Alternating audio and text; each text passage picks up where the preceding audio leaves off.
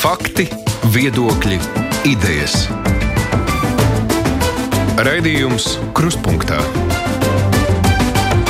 ar izpratni par būtisko. Skan Latvijas radio studijā Hārnas Krause.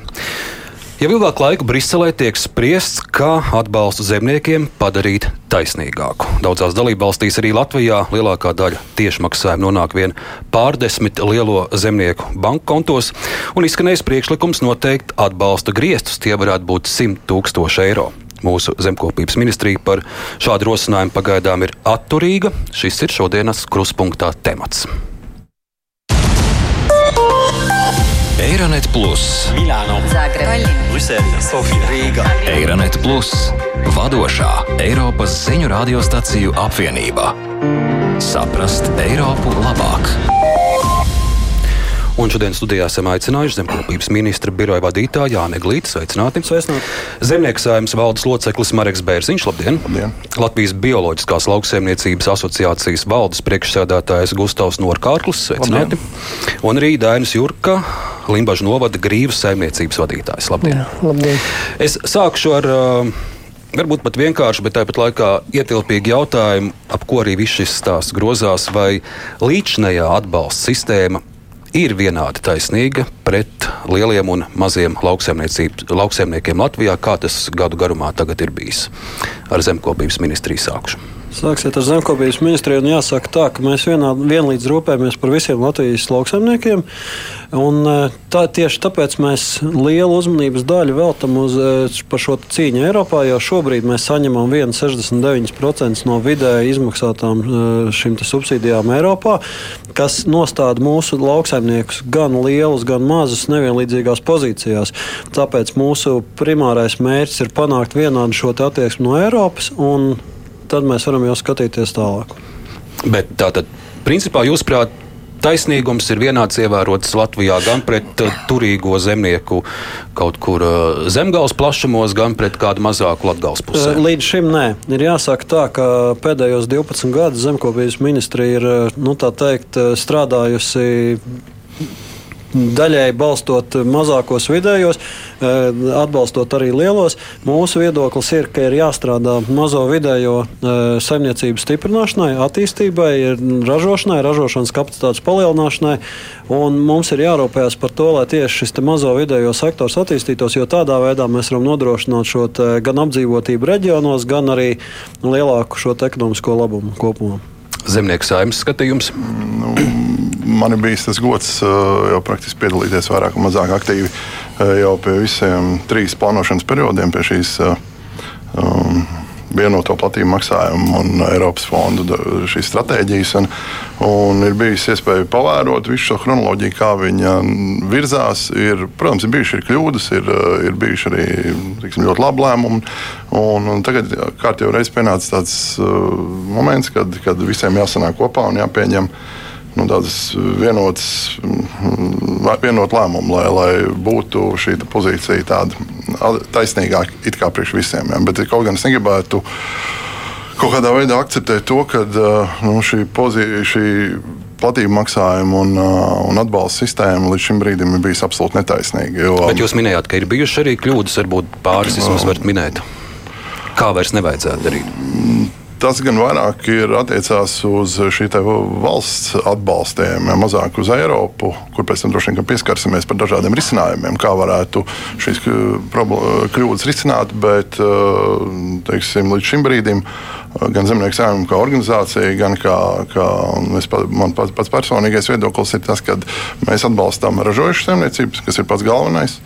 Ja, un, un nešķirojām viņus pēc uh, lieluma, mazuma, pēc saimniekošanas metodēm, pēc kaut kā pārējā. Ja, un, un meklējam kompromisu, neejam uz, uz risinājumiem, lai, lai šis uh, viss būtu taisnīgi un pareizi. Bioloģiskie lauksaimnieki nu, jūsu vidū noteikti ir tie, tie mazie un vidējie.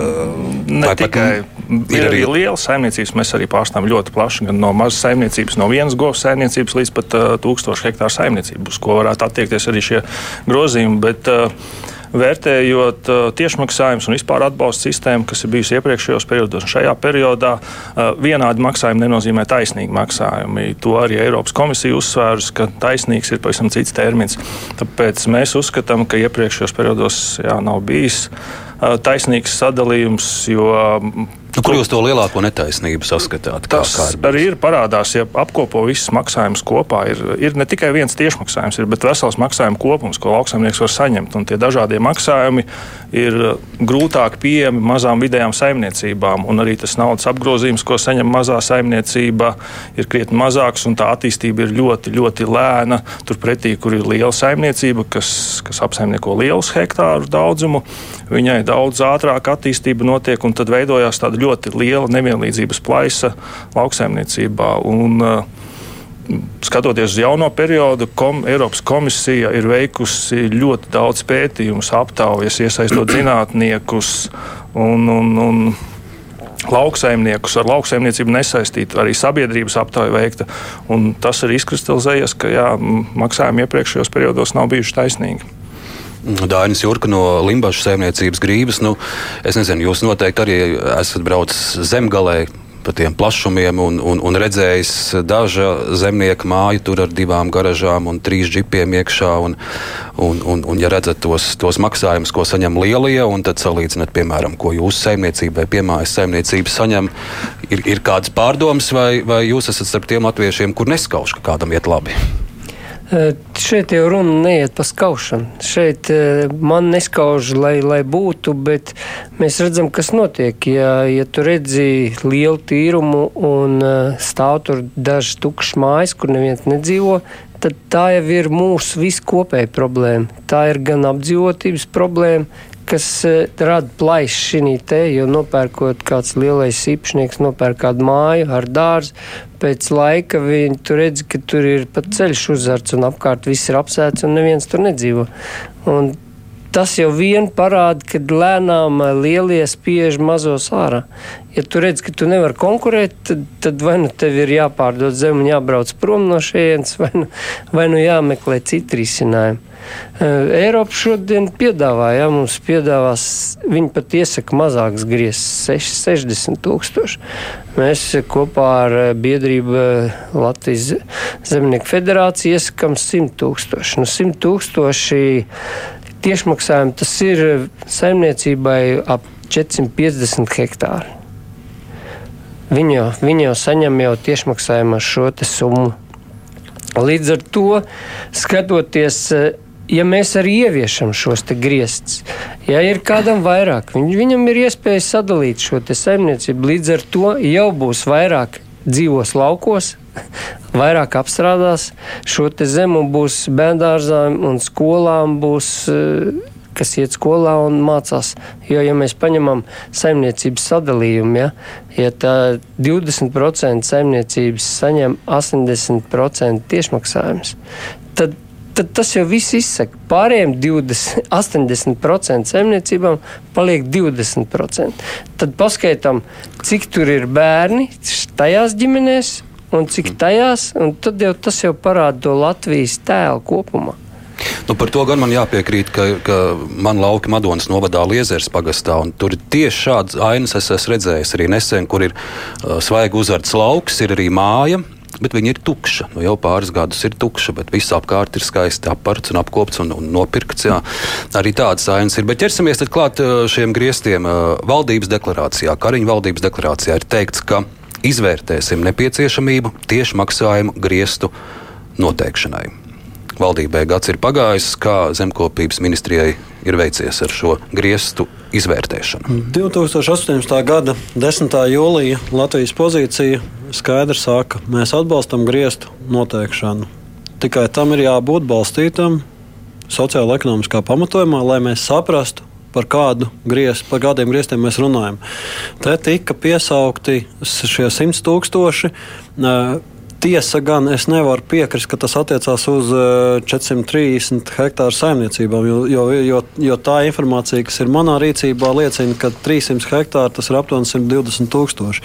Eh, un šajā brīdī mums ir jā, jāskatās tā, lai mēs nesamazinātu tieši šo vidējo slāni kas ir ļoti bīstami, ko, ko, ko mēs varam izdarīt, samazināt šo vidējo slāni, vai arī otra versija, kas tika arī piedāvāta un kas man pilnīgi nav pieņemama, pieņemama dalīt šīs saimniecības, jo tā ir schēmošana. Tajā brīdī mēs ieslēdzam schēmas, un tajā brīdī mēs nekādā, brīdī, mēs nekādā veidā mēs neizlīdzinām šo tiešmaksājumu uz pārējām saimniecībām, bet tas pats Liechtensteins advokāts, par kuru tika runāts arī de facto sižetā, arī viņš var sadalīt šīs saimniecības, bet mērķis jau nebūs sasniegt. Manuprāt, un, Es, protams, atvainojos, ja, apka, ja klātesošie man nepiekrīt. Manuprāt, mērķis nav kādam noņemt. Manuprāt, mērķis ir taisnīgi sadalīt. Un, lai noteikti šo taisnīgo sadalījumu, protams, ka, ka, ka viņā ietilp šis griestu faktors, bet nevajadzētu pārvērst to visu farsā, ka mēs sākam sadalīt saimniecības un sākam schēmot tādajādi kāpinot, sa, nemainot savus ienākumus, mēs tur kaut kādā veidā mistiski kaut ko veidojam. Vienas saimniecības vietā, kur šobrīd saimnieko dēls, tēvs dēls un viņa līgava, un tagad pēc jaunās sistēmas būs trīs saimniecības, kur saimniekos tēvs dēls un līgava mainot saskaitāmo summu jau nemainās. Mums vajag panākt, lai varētu vairāk attīstīt mazos, vidējos, ražojošos. Nu, lūk, jūsu vārdi vajag panākt. Es atgādināšu vēlreiz. Valdības deklarācijā ir teikts, izvērtēsim nepieciešamību tieši maksājumu griestu noteikšanai. Gads ir pagājis. Kā jums ir veicies šobrīd, šobrīd jaunajā šajā 20. gadā mēs esam panākuši 4 miljonus mazo vidējo lauksaimnieku atbalstam tieši palielināt, izveidojot jaunu programmu, kādā veidā mēs dodam iespēju augt. Mūsu tas, pie kā mēs šodien, šobrīd pastiprināti strādājam, pie, tieši pie šīm programmām, mazajiem un vidējiem, bioloģiskām saimniecībām. Mēs šobrīd arī skatoties uz šo Eiropas kursu, mēs nevaram nerunāt par to, ka jaunajā, jaunajā šajā plānošanas periodā ar vien lielāks uzsvars tik, tiks likts uz šīm zaļo, zaļo green deal saucamo zaļo darījumu, kad arvien vairāk mums vajadzēs veikt šīs zaļās darbības. Un tieši tāpēc mums ir jādomā Mūsu skatījumā prioritāte ir mērķiecīgas programmas tieši attīstībai, šo saimniecību, mazo vidējo uzsvaru. Mazais vidējais zemnieks ir mūsu prioritāte. Un tad mēs jau tālāk skatāmies uz šīm tiešmaksājuma lietām, kuras atkal minēju. Salīdzinot ar Eiropas Savienību, mēs šobrīd esam nevienlīdzīgā pozīcijā. Ja kāds no klātesošiem vēlās palikt šajā pašā 70% līmenī no vidējā Eiropas Savienības un runāt par to, ka mums ir tagad pēc iespējas vairāk jāatņem kādam, lai, lai kaut kur nu, kaut kā, mums ir jādomā par to, kā attīstīties visai Latvijai vienmērīgi. Mēs nevaram raut ārā kaut ko no konteksta. Mūsu sarunai šobrīd seko arī Eiropas parlamenta deputāts Sandra Kalnietis. Sveicināta Kalnietis kundze! Labdien! Nu, es dzirdēju tikai, protams, pēdējos teikumus, ko tikko teica par bioloģisko lauksaimniecību. Jā, bet es jūs nedaudz dividīšu mūsu šajā sarunā.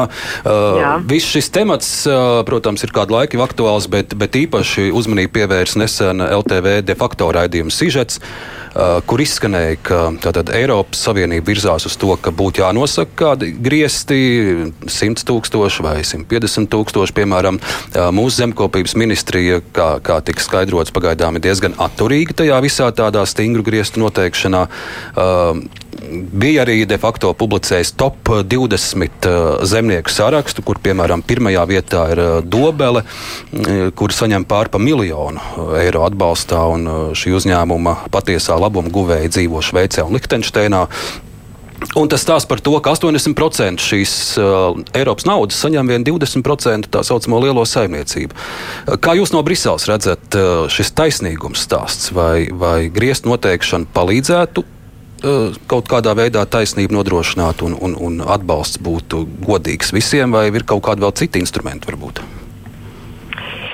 Šis jautājums par griestu noteikšanu um, bija aktuāls arī tad, kad uh, mēs gājām cauri iepriekšējai kopējās lauksaimniecības politikas reformai.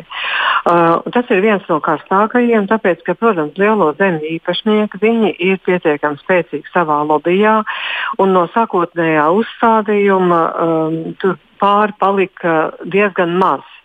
Uh, es baidos, ka arī šoreiz uh, beig beigās būs uh, līdzīgi. Uh, taču uh, pamatos šis uzstādījums ir pareizs. Jo starp mazo vidējo un lielo lauksaimnieku ir būtiska atšķirība gan kapitāla apgrozījuma iespēju ziņā, uh, gan, gan arī ražošanas apjomu ziņā, kā viņš var stabilizēt savu saimniecību un kompensēt. Taču ir jāņem vērā, ka cilvēki ir ārkārtīgi radoši. Uh, un toreiz diskusijā, un es domāju, ka arī šoreiz diskusijā viens no argumentiem būs lielo uh, šo tiklīdz kāds pārsniegs tos griestus, kas būs noteikti, ja, notiks tā saucamā fiktīvo saimniecību radīšana vai lauksaimniecības uzņēmumu radīšana, lai vienkārši šo naudu uh, sadalītu atsevišķās daļās un kopumā tomēr atkal paņemtu. Un tas ir tas, par ko ir arī jādomā šobrīd. Bet man liekas, ka vissvarīgākais jautājums šobrīd nav šie lielie griezti. Eh, jo šobrīd visneskaidrākais jautājums ir vispār daudzgadu budžeta apjoms, jo galdā pašlaik ir trīs priekšlikumi. Un šīs nedēļas beigās ar ceturto priekšlikumu nāks klajā padomus priekšstādētājs Šāls Mišels, kurš ir ticies ar gandrīz visu dalību valstu e, premjerministriem Uh, un klīst kaut kādas baumas par to, kāds varētu būt uh, šis viņa priekšlikums. Uh, un lai arī ar kuriem diplomātiem vai komisijas pārstāvjiem vai padomus pārstāvjiem mēs neparunātu, ir ļoti lielas šaubas, ka 20. februārī dalību valstīm izdosies vienoties par daudzgadu budžetu. Tas nozīmē, ka vēl uz kādu laiku atliksies skaidrība, cik daudz naudas būs kohēzijai, cik naudas būs lauksaimniecībai lauksaimniecībai. Uh, un uh, lauksaimniecībā mums ir divas daļas. Ir šie tieši maksājumi, ko sabiedrība vairāk pazīst, jo par tiem vairāk runā, tāpēc ka tie ir uh, netaisni arī jaunajā uh, budžetā mūsu mērķis būtu sasniegt 90% no Eiropas vidējā rādītāja, kas ir 264 uh, eiro par hektāru, bet tas, ko uh, reāli uh, iepriekšējā komisijas piedāvājumā, kas ir vēl relatīvi labs piedāvājums. Šis maksimums ir 202 eiro un faktiski tikai 77%. Bet ir jau jāskatās, un Latvija arī savā sarunu pozīcijā uz to uzstāja, ka mēs nevaram atdalīt tiešmaksājumus no lauka attīstības naudas. Tāpēc, ka um, tieši lauka attīstības nauda ir tā, kuru komisija piedāvāja nogriezt par 15% un visiem vienādi. Um, Eiropas padomus priekšlikums, kas pašlaik vēl ir galdā, bet kas tūlīt mainīsies, uh, ko Somijas uh, prezidentūra piedāvāja, nogriezt 5% visiem. Nu, um, tas ir pilnīgi Latvijai nepieņemami, jo arī tiešmaksājumus, ja mēs savienojam ar lauka attīstības naudu, tik un tā mēs ļoti ievērojami atpaliekam no kopējā līmeņa. Un, ja mēs paskatāmies, tad um, uh, vispār, ja mēs uzvelkam tādu, tādu līkni laika grafikā, tad pēc pašreiz galdā esošajiem priekšlikumiem Latvijas simtprocentīgi sasniegt Eiropas vidējo līmeni 2069. gadā. Bet Latvija vismaz pašlaik ir viena no nedaudzajām valstīm, uh, kas vismaz tiešmaksājuma ziņā uh, saņems nedaudz vairāk, pārējiem tiešmaksājumi tiek uh, pazemināti. Bez tam uh, tieši tāpēc, ka nav skaidrības par kopējo finansējumu apjomu, um, ļoti daudzas citas lietas, jo vēlns ir detaļās, arī nav skaidrs. Uh, šoreiz, atšķirībā no iepriekšējām reformas, um, pat ziņojums parlamentā par reformas uh, strateģisko plānu top sadarbībā uh, starp divām komitejām - lauksaimniecības un vidas komiteju. Un, ja saruna ar lauksaimniecības komitejas ziņotāju ir ļoti vienkārša, jo viņš saprot gan to, kāpēc Latvija eh, nevar pieņemt uh, pilnībā pārtraukt, uh, bez iebildumiem, pilnībā pārtraukt kūdas uh, um, ražošanu, uh, tāpēc ka mums apmēram 10% no augstnēm ir kūdras, un Somijā vēl vairāk, 20%, un šeit Baltijas valstīm un Ziemeļvalstīm ir, jā, ir ļoti daudz jāskaidro tiem nu, teiktu, fundamentālistiem, kas balstās uz šiem diviem procentiem, kas ir Dienvidē Eiropā. Un tas ir tikai viens piemērs no tām daudzajām detaļām, par kurām šobrīd mm -hmm. uh, rit cīkstēšanās. Kalnietis kundze, paldies par šo, Jā. šo pamatīgo izskaidrojumu arī par šīm nākotnes Jā. prognozēm, kas varētu sagaidīt zemniekus. Nu, tas 2069. Jā. gads, kad mēs beidzot izlīdzinātos, tas skan diezgan, diezgan baisi. Bet es vēlreiz gribu atgriezties pie šī, šī vārda taisnīgums. Labi, ja, ja šie griesti nav tas labākais instruments, kādi varbūt jūs redzat, ir vēl citi veidi, kā, kā, kā panākt, lai, lai tiešām lielais, kuram ir spēcīgie muskuļi un, un, un mazākais kaut kur reģionu nostūrī, nu, lai, lai viņiem tas atbalsts būtu daudz maz, daudz maz godīgi vienāds. Es nu, gribētu. Liela loma ir jāspēlē nacionālajai valdībai. Tas ir atkarīgs no tā, kādas programmas tiks uzskatīts. Uh, zem, zemkopības ministrija uzskatīs par prioritārām. Mums ir vairākas um, zemnieku organizācijas, kas katrs pārstāv savu uh, zemnieku spektru. Uh, mums ir uh, zemnieku saima, kurā vairāk pulcējās uh, tie, kam ir lielākas, uh, uh, lielāka ražošanas apjoma. Tad mums ir zemnieku. Um, Latvijas zemnieku apvienība, man liekas, saucās. Tur mums ir nozaru apvienības. Nu, viņiem ir, mums ir LOSPS, jā, Latvijas zem, lauksaimnieku organizācijas savienības tāda tā, tā, tā apvienība. Ja? Un, nu, tur ir jānotiek savstarpējām sarunām un ir jāvienojās, kā tā nauda, ko turpmāk mēs no savas aploksnes varēsim paši ar savām prioritārajām programmām dalīt, kā tā tiks dalīta. Kalnies kundze, no daži no jūsu minētajām organizāciju pārstāvjiem mums šeit ir studijā arī tagad, un dzirdēju jūs teikto. Jā. Mēs arī sarunu šeit turpināsim. Lielas paldies par šo pamatīgo komentāru. Jā. Paldies jums, Sandra Kalniete, Eiropas paldies. parlamenta deputāte. Nu, ko ar bioloģiskiem lauksaimniekiem arī tad sāksim par dzirdēto? Es gribēju atgriezties pie tiešmaksājumu griestiem un uh, maksājumu mērķis. Kāds par maksājumu mērķis, ko Eiropas komisija ir, mēs neesam nodefinējuši, bet Eiropas komisija ir nodefinējuši, un tiešmaksājumu mērķis ir nevis atbalsta ražošanai vai ražošai lauksaimniekam. Tas ir aizliegts pēc eh, Pasaules tirzniecības organizācijas vienošanās. Šis maksājuma mērķis ir sniegt pamat ienākumu lauku saimniecībai.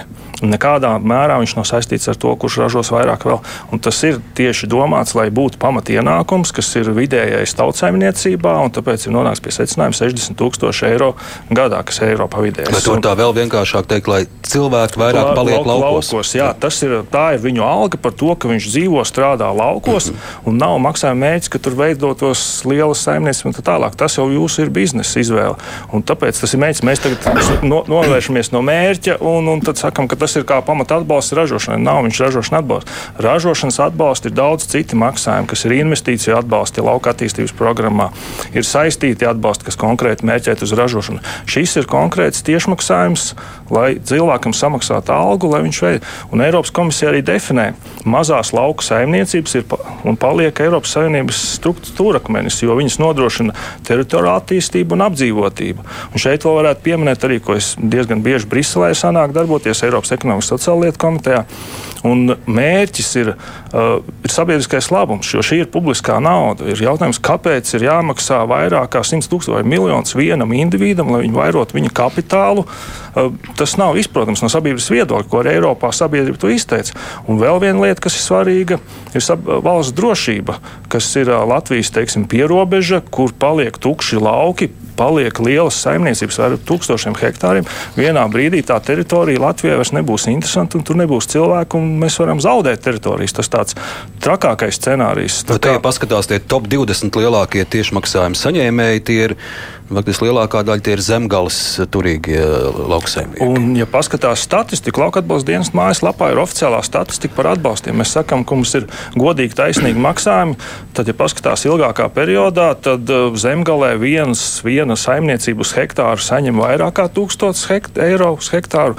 Savukārt alūksnē apskatās, uh, tad tur ir ap 600-700 eiro uz hektāru saņemts. Nav mums vienādi maksājumi, nav taisnīgi maksājumi. Un ir arī otrs pasākums lauka attīstībā investīciju pasākums. Tur mēs arī esam līderi ar lielākiem maksājumiem Eiropā. Tā kā nevarētu teikt, ka mums ir sliktākā situācija Eiropā un mazākie maksājumi vispār uz saimniecību. Tā kā tā politika ir diezgan radikāli būtu Latvijā jāmaina. Mums notiek ļoti daudz darba grupas, paldies Zemkopības ministrijai, kas, kas rīko reģionālas konferences. Es esmu bijis vienā reģionālā konferencē, bet tas apkopojums no reģionālām konferencēm ir tāds, ka mazie un vidēji lauksaimnieki ir topā, ka viņi ir saka, ka vajag tiešmaksājumu grieztus un ka vajadzīga vienlīdzība un taisnīga maksājuma sadalījuma. Viņi ļoti labi redz, kā viņiem grūti izdzīvot šajā. Jo apkārt ir tāds termins Eiropā, ir land grabbing, zemes grābšana. Uh, ir, kam ir liela saimniecības, kam ir liela resursi, lielāks kapitāls, naudas apgrozījums, lielāki maksājumi. Viņi var izpirkt tās zemes, un maziem lauksaimniekiem jāiet prom no turienes. Tā ir liela lieta, kas mums jāpār, jāpārdomā.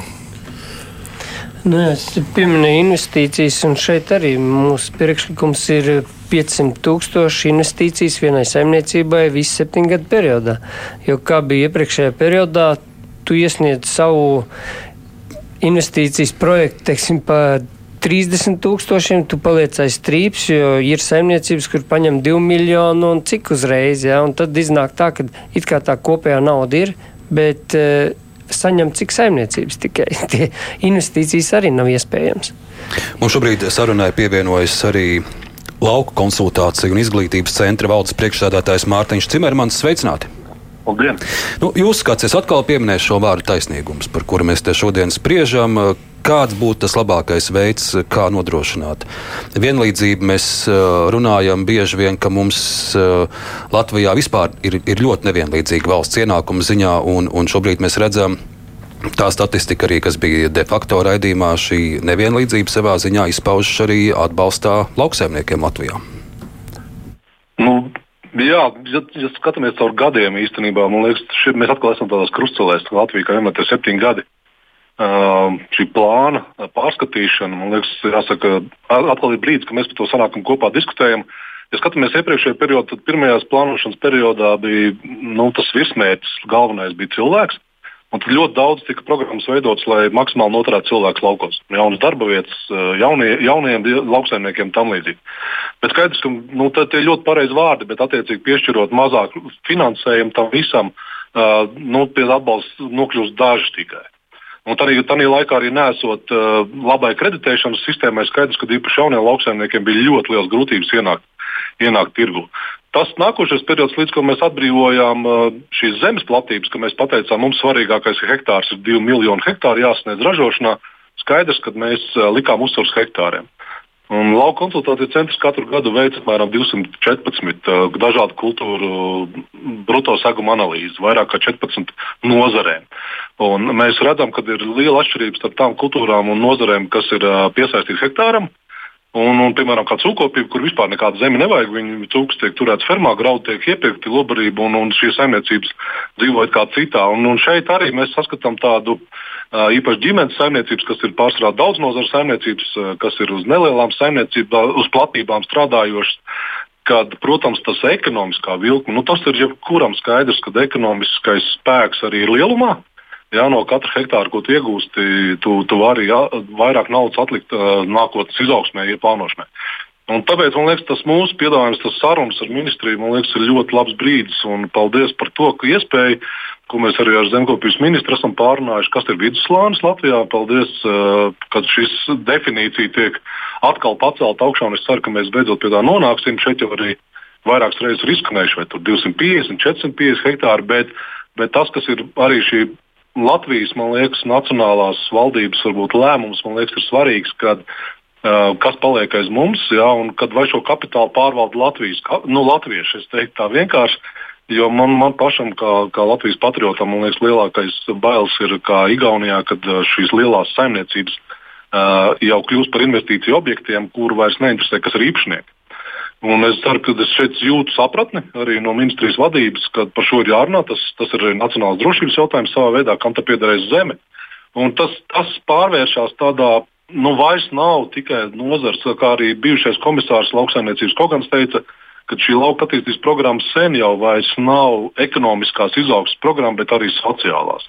Tas, ko jau arī šeit mēs minam, vai ne šis sociāla-ekonomiskais platforma, par ko mēs maz esam diskutējuši, taisnība. Mēs, Mēs lauksaimnieki mākam ražot savu produkciju, bet šīs sociālās lietas, kas kāda būs lauka apdzīvotības ziņā, infrastruktūra, arī pašreizējā novada reforma, nu, mēs nemākam vēl īsti to, tos kritērijus izdiskutēt. Es ceru, ka šis ir tas brīdis, šis gads vēl mums iedots. Kad mēs arī vairāk pieķersimies pie tās lietas, kāda ir lauka teritorija kopumā, nevis tikai lauksaimniecība. Vēl īsi es jums gribēju jautāt, vai jūs, prāt, būtu arī jānovelk kāda robeža līdz kurai būtu jāsniedz šis atbalsts. Jo, ja mēs raugamies atkal uz ienākumiem, uz statistiku, ja tu gūsti labu peļņu, ja tu esi miljonārs, tev viss iet labi, vai taisnīgi vēl ir saņemt šādu papildus atbalstu, varbūt šo naudu novirzīt kādam, kuram tā ir patiesi dzīvības jautājums. Es vienmēr tas ir, tas ir politikas jautājums, un tā ir liela izšķiršanās, protams. Un man, man vienmēr tāds balts kaldības skatīties uz Poliju, kas ir milzīga valsts, ekonomiski spēcīga un viens no līderiem pašlaik Eiropā izaugsmas ziņā. Kad viņi, piemēram, pateikt, ka 300 hektāri ir mūsu robeža, ja mēs gribam šī, šādu slāni attīstīt, un, un ļoti skaidri mēs pasakām, līdz 300 hektāriem mēs tev palīdzēsim piecelties kājās, līdz ko tu kļūsi stiprāks tā, tā tas pietiekami spēcīgs, lai paciet uz priekšu. Nu, nu tas, tas, kā notiek Poļo, Polijā, piemēram, lauka attīstības, nu, kas redz jaunas mājas, nevis paliek tukšas, bet ceļās jaunas mājas, kad ceļās jauni ceļi, uh, kad ir uh, smaidīgi nu, apmierināti zemnieki. Arī ar 15, 30 govīm, ka viņš ir pašpietiekams. Tas ir tas, uh, nu, Latvijas mērogiem, man liekas, mēs nebūsim nekad Ukraina. Un zinot, kāda mēs esam pēc apdzīvotības blīvuma, mēs tikai priecātos par katru cilvēku, kurš palika laukos. Līdz ar to Šie lēmumi ir varianti, ir. Mēs arī esam piedāvājuši savā diskusijās stiprināt vidusslāni. Varbūt ne tik daudz griezti ir izšķiroši, bet kādu atbalstu dot tam vidusslānim. Jā, ko Eglīte kungs jau minēja, kas tad ir tas vidusslānis, tie mazie vidēji zemnieki, kam mēs iedosim vairāk kaut kādā veidā, nevis kādam atņemt. Nu, tas jau ir mūsu diskusiju rezultāts. Jā. Bet nu, baigi gribētu tādu foršu izsvērt kopīgu diskusiju, pie kā visi vienojās, ka mēs tā gribam redzēt Latviju, Latviju nākotnē.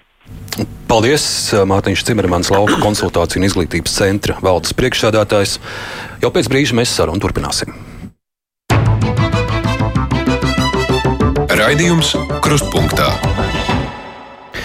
Studijā zemkopības ministra biroja vadītājs Jānis Eglīts, zemnieku saimnes valdes loceklis Marks Bērziņš, Bioloģiskās lauksaimniecības asociācijas valdes priekšstādātājs Gustavs Norkāklis un Limbaģa novada grīvu saimniecības vadītājs Dainis Jurka. Mēs pirms brīža dzirdējām Polijas piemēru, kur ir uh, robeža 300 hektāri. Es vēl minēšu vienu citu valsti, Lietuvas piemērs. Lietuva ir no 1. janvāra noteikusi tieši maksājumu griestus uh, šie 100 tūkstoši eiro.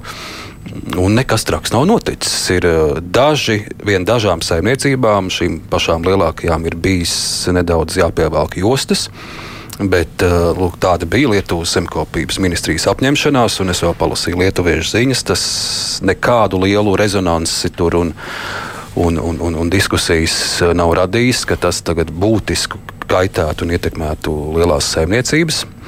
Šis stāsts par to, ka ja tu esi gana turīgs, tad, tad varbūt tās nu, nemaz šis atbalsts nav tik būtisks. Krāskungs, viss jau ir pareizi. Arī zemkopības ministrija saka, griezt ir vajadzīgi. Mums ir jāizvērtē tikai kādi. Tad tika, tad tika pavērts īstenībā ļoti plašs lauks. Kalnietis kundze minēja šos 77%, kur mēs pietuvosimies. E, tas, ko es gribētu viņu papildināt, tas ir paredzēts 2027. gadā. Tas nav paredzēts nākamgad, tas ir paredzēts 2027. gadā. Tad vienkārši zvērš uzmanību uz to, ka tas ir tas darbs, ko mēs šobrīd redzam kā prioritāti, pietuvināt mūsu zemnieku pēc iespējas tuvāk tam slānim, tam vidējam slānim, kas ir Eiropā. Ja mēs runājam par izvēlēm, jūs runājat par Lietuvas izvēli, kam es pilnīgi piekrītu. Nekāda lielā, nekāda lielā rezonanse tur iespējams nav bijusi. Mums ir arī Igaunijas izvēle kas ir pavisam pretēji, un manuprāt, kas, teiksim, kur mums nebūtu jāskatās, mums jāņem vērā. Kāda to, ir Igauni izvēle? Igauni savulaik aizgāja iepriekšējā posmā, aizgāja uz lielajām saimniecībām, un šobrīd, teiksim, nu, ja runā par piena lopkopību, tad viņi skatās no saimniecībām ar 50 govīm, kas man šķiet Latvijā būtu pilnīgi nepieņemami. Jo ir šīs 12 govu saimniecības, ir 30 cilvēki, var izvēlēties tā kā Norkāļa kungs jau teica. Cilvēkiem mums ir jāpanāk, lai cilvēki var dzīvot laukos, lai viņi var nopelnīt par to, vai mēs uzskatām šos, eh, šo naudu kā algu, vai mēs uzskatām kā, kā, nu, kā teiksim, saimniecības stiprināšanu, tas ir cits jautājums. Tas ir kā mēs, kā mēs kurā pusē atrodamies. Bet, manuprāt, mums ir jāskatās nevis uz Lietuvu, kur pavisam cits modelis jau no, jau no seniem laikiem ir citāds, nevis uz Igauniju, kur gan pēc teritorijas blīvuma, gan pēc visas apdzīvotības ir citi pavisam stāsti veidojās. Mēs nevaram ņemt to pa pamatu. Mums jāskatās Latvijā, un Latvijā šobrīd mums ir ārkārtīgi liela tā tādas, nu, tāda noslāņošanās, mums trūks šis vidējais slānis. Mums vitāli nepieciešams šis vidējais slānis, kur dzīvotu nevis šie divāni zemnieki, būsim godīgi. Sauksim lietas īstajos vārdos, saņemt naudu par to, ka viņš nopļauj zāli un aizved kaut kur. Tas nav tas, ko mēs gribam redzēt laukos. Tās ir tās nu, pašas. Ne jau viņš pats pļauj. Nu, neatkarīgi no Bieži tā. Vien. Bet, jebkurā gadījumā, mums tieši tāpēc mēs šobrīd liekam lielu uzsvaru uz šo īpašām programmām, mazajiem vidējiem zemniekiem, mazajiem vidējiem lauksaimniekiem. Pareizi tika minēts, mēs arī strādājam pie tā, lai šo lauka attīstības plānu, lai mēs šos investīciju projektus paredzētu nevis lielajiem. Tieši tā mums jārunā par šīm summām, par šo attiecināmību. Mums ir jābūt lauksaimniekam, ir jābūt drošam par to, ka viņam nākamajā septiņu gadu periodā periodā, kādā posmā būs brīdis, kad viņš varēs saņemt šo finansējumu traktoru iegādē, jebkam citam. Te jau deputāti Kalnieti arī minēja, ka, ka Briselē, protams, ir arī lielas lobby grupas, kurām katrām ir savas intereses, un viņas tās ļoti sparīgi arī aizstāv. Un, un līdzīgi, un tas ir tikai normāli. Arī Jā. Latvijā dažādas zemnieku organizācijas savu, savu taisnību aizstāv. Jūs minējāt, ka ir dažādas darba grupas, un es paraudzījos, arī vairākas sēdes ir bijušas tieši par uh, tiešiem maksājumiem. Un tad es skatījos, kādas tās diskusijas jums ir bijušas. Un, nu, godīgi jāatzīst, nu, nav viegli arī pašai zemkopības ministrijai tādā ziņā, ka ir pilnīgi radikāli atšķirīgi šie priekšlikumi, kas izskan te, piemēram, par uh, maksājumu samazinājumu. Ir priekšlikums, ka Ja mēs vēlamies sekmēt attīstību, nevajag atbalsta griestus, un tad ir turpat blakus maksājuma griestu noteikšana lielajām saimniecībām nav korekta, jo tie maksā nodokļus un apmaksā darba spēku. Te ir, jums ir starp, starp um, ļoti dažādiem viedokļiem jāatrod. Tā ir šis nākamais stāsts, par ko es arī gribēju pieskarties. Es ļoti atvainojos, man tiešām sanāk gari, bet šis, te, šis ir jāizskaidro. Ja mēs runājam par šiem Eiropas griestiem, tad Eiropa noņem no darba algas un noņem nos nodokļus, tiek no, kas tiek nomaksāti valstī. Un, e, Pēc Latvijā, pēc OECD pētījuma, tas nav veids, tas nav zemkopības ministrijas vai lielo lobby organizācija. Pēc OECD pētījuma ir secināts, ka 76% no lauksaimniecībā nodarbinātiem cilvēkiem nesaņem algas. Tas nozīmē, ka Šajā gadījumā mums pat nebūtu laika ko attiecināt no šīs naudas nost. Mūsu vidējais lauksaimniecībā vecums ir 55 gadi, kas ir 5 gadi vai vairāk kā vidēji Eiropā. Es, es gribu teikt, ka šī te vispār Eiropā ir tāda liela problēma, kā noturēt jaunos saimniekus uh, laukos. Uh, Bet Latvijā tas ir īpaši dubults, dubults smagi, un tieši tāpēc mēs saredzam, kā lielu tādu darbu lauku šo programmu veidošanai mazo vidējo sektorā ar lielu teiksim, tādu uzmanību vērst uz to, ka ir jādomā, kādā veidā mēs varam tieši jaunos cilvēkus noturēt laukos. Jo mums ir jāmēģina atrast tas kompromiss starp uh, vēlmēm un faktisko situāciju. Un tieši tāpēc mums ļoti, ļoti labi ir sākusi darboties šī automu lauksaimniecības zemes iegādes programma. Nu, par šiem jaunajiem cilvēkiem atkal pieminēšu kolēģis. De facto tur ar, akurāt bija stāsts arī no zemgāles, kur, kur zemnieks stāsta. Viņš labprāt attīstītos, ir deksme un entuziasms, bet uh, nav jau zemes. Vai nu nav apkārt vairs brīvas zemes, uh, dāņi, zviedri un tā tālāk ir tagad to saimnieki, vai arī, vai arī tā zemes uh, nomas maksa ir, ir tik augsta, ka, ka, ka vidējais, mazais vidējais zemnieks vienkārši to nevar pats. Jā, nu, ir jāsaka tā, ka mēs esam novērojuši tādu tiešu korelāciju starp to, kā palielinās šī tiešmaksājuma un zemes nomas cenas.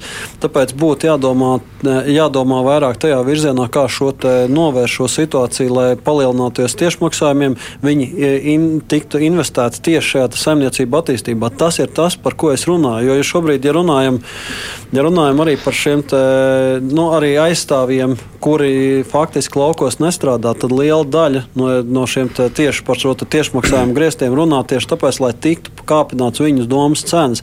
Jo mūsu skatījumā šim labumu saņēmējam ir jābūt tam lauksaimniekam, kas šo zemi apstrādā, tam lauksaimniekam, kas tur strādā, dzīvo, un viņam ir jāsaņem šis lielākais labums. Tā, protams, mūsu studijā ir tikai sakritība, ka pie Zemkopības ministrijas pārstāvja labās rokas ir zemnieku saimnes pārstāvs. Zemnieku saima līdz šim asociējas ar to, ka nu, liela daļa jums ir akurāt šie, šie lielie zemnieki.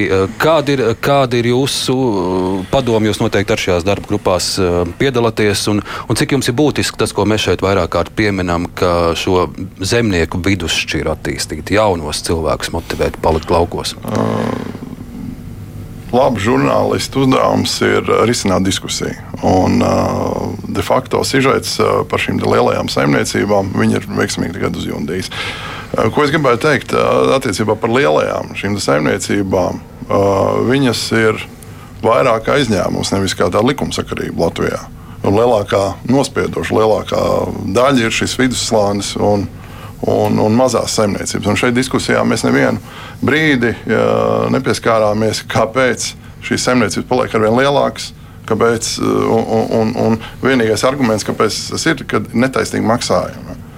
Nu, tā pašā polijā, ko mēs nu, Cimermaņa kungs iepriekš pieminēja, ja, no 87. gadā bija nemaldos 2,7 miljonu saimniecību. Dotajā momentā ir 1,4 miljoni. Ir pazudušas nu, vairāk kā puz, nu, 1,2-1,3 miljonu saimniecību. Un automātiski arī uh, vidējais saimniecības lielums. Tā kā, tā kā tās tendences uh, ir globālas. Tās, mēs varam šeit iekšā strīdēties par to, kuram vairāk, kuram mazāk. Ja sanāk, kā, stāstā par uh, aitiņu vilku, ja, kur aitiņu visu mūžu ļoti baidījās no vilka, bet uh, beigās viņa apēda gans. Ja, tieši šī brīdī ir līdzīga situācija. Mēs kaut kā mēģinām konfrontēties. Lielie, mazie, bioloģiskie, konvencionālie, ja, un meklēt kaut kur taisnību, cerot, ka nu, tā sedziņa ir tik liela, cik viņi ir, pavilkt uz vienu vai uz otru pusi, bet uh, tas neradīs nekādu uh, pienesumu visai to, šai nozarei, jo, jo mums ir jākonkurē Eiropā, Mums ir, mēs esam eksportētāja valsts. Tāda ir bijusi Ulmēna laikos, tāda bijusi arī Padomju Savienības laikos, un, un arī, arī tagad mēs ļoti nozīmīgu produkcijas daudzumu eksportējam. Tas, vai, viņi, vai mēs viņu varētu eksportēt ar lielāku pievienoto vērtību, tā ir cita lieta. Ja, bet, bet, bet pašreiz teiksim, mums, ir, mums ir vairāk jāskatās tajā virzienā, lai, lai varētu šo ražošanu attīstīt, lai, lai iedot uh, makšķeri, nevis zīvi. Ja, jo šajā gadījumā mēs, mēs uh, nu, izdarām tādu sociāldemokrātisku mm, darbību, ja, kad visiem vienādi samaksājam platību maksājumā, uh, lieliem noņemam, maziem pieliekam. Nu, tagad būs labi. Ja. Bet, tas, tas neveicina nekādā veidā šo ne, neapdzīvotību, ne nodarbinātību, ne, ne nozares attīstību. Mēs... Nu, lai mums būtu viedokļu daudzveidība, šodien arī ir uh, preses paziņojums lauksaimniecības statūta biedrība asociācijai. Šī asociācija apvieno 46 aktīvus biedrus, pērn budžetā iemaksāti 14 miljoni. Tātad varam secināt, ka uh, šie, šie ir šie lielie zemnieki, kas ir vairāk kārt pieminēti, un viņi uh, ar bažām uztver šīs ziņas, kas izskan par kādiem iespējamiem grieztiem. Citāts ir kritiski jāvērtē situācija un apgalvojumi pieņemot lēmumus, jo visas Latvijas interesēs ir saglabāt mūsu valsts laukos dzīvojošos un strādājošos cilvēkus. Asociācija arī min, ka uh, uzņēmums, piemēram, Pampāļi, kas tika de facto pieminēts, ir uh, nodarbinājis un nodarbina 130 darbiniekus. Uh, ir pērn nomaksāti nodokļos 700 tūkstoši eiro, tā skaitā pusmiljons sociālās apdrošināšanas iemaksas un tā tālāk. Un te arī minēts, ka maksājumu griestiem jābūt piesaistītiem nodarbinātajiem cilvēkiem saimniecībā, nevis juridiskai personai. Tas ir tas, kas notiek šobrīd Eiropā. Tas ir tas, kad viņi tajā brīdī, kad viņi rēķina šos tiešmaksājumus, viņi atrēķina no šīs algas. Tas ir tas, par ko es arī teicu, kāpēc Latvijā šī situācija nav tik viennozīmīga. Bet būtiska lieta, ko es gribu pateikt, ir arī par valsts atbalstu. Jo, ja piemēram mēs runājam par Somiju, tad Somijā ir 70% val, eh, no, no 100% Somija dod krietni lielāku daļu tieši no valsts budžeta šim, šo saimniecību stiprināšanai nekā šobrīd šobrīd tas notiek Latvijā. Diemžēl arī pie jaunā nacionāla attīstības plāna strādājot, mums neizdevās pārliecināt nec koalīcijas partnerus, nec arī premjeru partiju par to, ka zem lauksaimniecībai ir nepieciešams, eh, vitāli nepieciešams šobrīd tieši palielināt šo valsts atbalsta daļu, jo, ko es minēju sākumā, mums, mums šajā gadā ir izdevies panākt šos 4 miljonus maziem vidējiem lauksaimniekiem. Vai tā tas būs nākamgad? To jau redzēs tikai stādot nākamā gada budžetu. Bet ir jāsaprot, ka šie šie miljoni radās tikai no nomaksātiem nodokļiem. Nu, lielo zemnieku rosinājums eh, maksājuma griestus piesaistīt nodarbināto cilvēku skaitam saimniecībās. To Eiropas komisija jau piedāvā uz nākamo periodu. Ir jā, kā, kā viens no līdzekļiem, kā, kā tos griestus, eh, lai atvieglotu situāciju, iekļaut darba, darba spēka nodokļus. Bet es gribēju atgriezties, ko Eglīša kundze minēja par To, ka ir daudz dažādas programmas, ir jāizvērtē, mums jādara jauniem lauksaimniekiem, mazos vidējos stiprināt. Tieši tas pats jau ir desmit gadus, tiek runāts arī iepriekšējās valdībās, arī iepriekšējo periodu gatavojot. Ir arī daudz programmas izveidotas, kas ir jāpapildus laimdotas strājumus laikā. Ir mazajiem lauksaimniekiem papildus iedots, bet uz kopējā fonda tas ir maz. Un, ja zinātnieki Latvijā ir arī vērtējuši šo visu situāciju un daudzkārt norādījuši, ka šī sistēma, kāda darbojas patreiz Latvijā, veicina lauka iztukšošanos, noslāņošanos, lielo saimniecību, lielāku attīstību. Viņi ir daudz secinājumu rosinājuši, ka ir jāmaina šā sistēma. Un darba grupās, kurās es piedalos, Eglīša kundze nav bijis uz tām darba grupām. Diemžēl šajās darba grupās es neesmu redzējis nevienu tādu priekšlikumu, kas patiešām, un mēs neesam diskutējuši nevienu reizi par tiešmaksājumu griestiem, kāda ietekme ir Latvijā viņiem būtu un kādi ir aprēķini. Divi gadi ir jau pagājuši. Nevar, protams, jūs gados strādāt, bet nav, nav bijuši tie aprēķini. Un, un arī ierēģi darba grupās, diemžēl, vairāk rosina zemniekus cīnīties pret šiem tiešmaksājumu griestiem. Un vēl ir, ko Eiropas komisija piedāvā, vēl viens maksājums, ko arī ļoti maz zemkopības ministrija runā, ir pārdalošais maksājums, ko komisija piedāvā, kur par pirmajiem hektāriem, 50 teiksim, vai 60 hektāriem, saimniecībai samaksātu lielāku atbalstu maksājumu. Un šis ir komplekss pasākums, ko Eiropas komisija piedāvā. Un mēs šeit Latvijā, diemžēl, šos visus maksājumus, šo sistēmu tēmu tā kā Viņš pieklusinām, mazāk runājam, darba grupās ir citas tēmas, vairāk ir klimats paņemts klāt. Ir, Pieklusi, tā, ka, tā pieklusināšana notiek tādēļ, nu, ka ne, lielajiem ir uh, liela nu, lobby jā, teikšana. Tā kā lai mazāk zinātu, mazāk izdiskutētu, un tad, kad jāpieņem lēmums, tad uh, kaut gan īstenībā lēmumu jau sen varēja pieņemt, un Eiropas komisijas piedāvājums ir ļoti balstīts aprēķinos, zinātniekos, aptaujās, un viņš ir ļoti, ļoti pareizs slēpums manā skatījumā. Es aicinātu Narkāra kungu mani personīgi iepazīstināt ar šiem pētījumiem, kas ir veikti Eiropā. Es, kaut es, viena pētījuma, ko Eiropa piedāvā. Apskatieties, kā kopējās lauksaimniecības attiecībā... politikas dokumentu, kurā ir vesels slērums izdrukāts, ir saites, kur ir pētījumi bijuši aptaujas, 300 tūkstoši aptaujas veiktas. Tā kā vajadzētu uh, varbūt pastudēt šos dokumentus. Jā, nu šeit minēja arī šos te nomaksātos nodokļus nodokļus, bet neviens e, nemin to, ka šīs ģimenes, vis, kas dzīvo laukos, kad viņai, viņiem visiem ir bērni. Visi iet skolās, augstskolās, visi ir izmācīti. Un e, ģimene, ja strādā, tad kāds tad, kurš izrēķinās, cik tad iegūms ir, ja tā ģimene ir izaudzinājusi piecus vai trīs bērnus šajā valstī, ja? un viņi paliek šeit strādāt, neaizbrauc prom. Es domāju, ka Tas ir galvenais, lai, lai šeit paliktu jaunās ģimenes, dzīvot, attīstītos. Ko es vēl gribēju pieminēt eh, par šīm mājām, ja, ja, kas vēl šobrīd notiek atdala. Tad vajadzētu atstāt tai mājai apkārt kā divu hektāru zemi, lai, ja kāds jaunais grib sākt, lai viņam būtu starts. Viņš nopērkot šo māju ar diviem hektāriem, viņš var uzcelt siltumnīcu, audzēt zemes vai, vai nelauksaimniecisko biznesu veikt laukos. Nu, Pie tā ir jādomā valstī kopā. Tas, tas, tas nav viennozīmīgi tikai tiešmaksājuma griezt. Te ir viss uh eh, -huh. politika jāvērtē kopumā.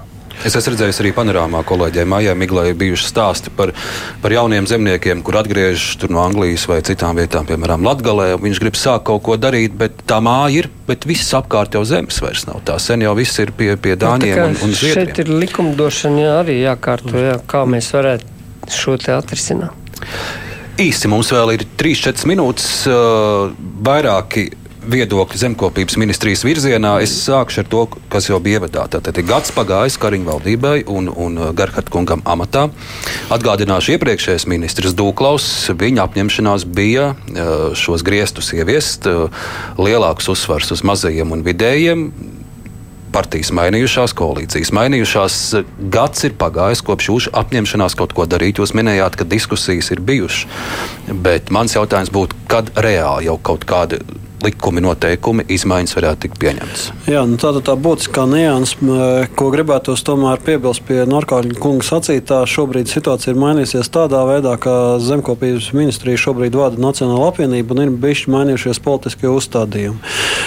Kā jau Kalnietis kundze minēja, šobrīd ir ļoti daudz neskaidru jautājumu saistībā ar šo kopējo finansējumu, lai mēs, lai mēs šobrīd sāktu dalīt vēl nenošaut lāču ādu. Mūsuprāt, šim visam jā, jāiet pakāpeniski un diskusijas par pārdalošo maksājumu pie ministra jau ir bijušas. Mēs esam diskutējuši, izvērtējot šo kopējo situāciju. Mēs varam teikt, ka lai tas, eh, šie, šos te, šo te pārdalošo eh, maksājumu noteikti, lai tas ne, nu, teikt, neiesīstu viduslānim un lai nepadarītu vēl vājāku mūsu vājo vidusslāni, tad šis slieksnis būtu eh, noteicams tik augsts, ka viņš kļūst neefektīvs. Tāpēc mēs viņu šobrīd pie viņa pastiprināti, ne, ne, pastiprināti nestrādājam, bet mēs turpinām veikt šos pētījumus par tiešmaksājumu griestiem. Es, tas, ko es noteikti varu teikt, mēs strādāsim uz to, lai mazie un vidējie varētu varētu attīstīties. Bet, Bet šīs saimniecības vēlreiz šis top lielāko saņēmēju skaits. Te ir Protams, desmit kā... saimniecības virs pusmiljonu saņem pat vairāk. Šos jūs saucat arī par vidējiem? Nav, protams, ka, protams, ka šos nosaukt par vidējiem būtu ārkārtīgi nekorekti. Es runāju par tādām 300, 300 400 hektāru saimniecībām, starp kurām nav tikai konvencionālai, bet ir arī bioloģiskie lauksaimnieki. Tas attiecās uz ārkārtīgi plašu šo lauku, kas šobrīd ir uzņēmušās kredītsaistības, kas šobrīd rēķina katrs, katrs eiro viņam ir no svāra, un šobrīd mēs ar savu politiku varam vai nu viņus pagremdēt, vai nu viņām ļaut turpināt attīstīties. Un, manuprāt, būtu pilnīgi nepieņemami šobrīd, vērtējot gan no drošības aspektiem, gan no apdzīvotības aspekta, gan no visiem pārējiem aspektiem, šobrīd samazināt šo vidējo saimniecību attīstību. Mums ir jādomā par to, lai Latvija varētu būt apdzīvota, plaukstoša, naudu saņemoša, lai nebūtu situācija, kad 76% no lauksaimniecībā nodarbinātiem nesaņem algu. Tas nav pareizi. Un, ja, bet, ja šis lēmums par tiem grieztiem tika pieņemts, tad reālāk varētu būt, ka Latvijas izšķiršanās ir piemēram 150 tūkstoši. Tāda varianta ir izskanējusi. Šobrīd, šobrīd mums ir jādiskutē par šiem cipariem. Šeit tika piedāvāt gan 100 tūkstoši, gan 150 tūkstoši. Manuprāt, mums būtu jāsāk vērtēt šī situācija tādā kopainā starp šiem diviem cipariem. Mēs Mums ir jārisina šis jautājums atbildīgi, vērtējot to situāciju, kurā ir mūsu vidējais lauksaimnieks.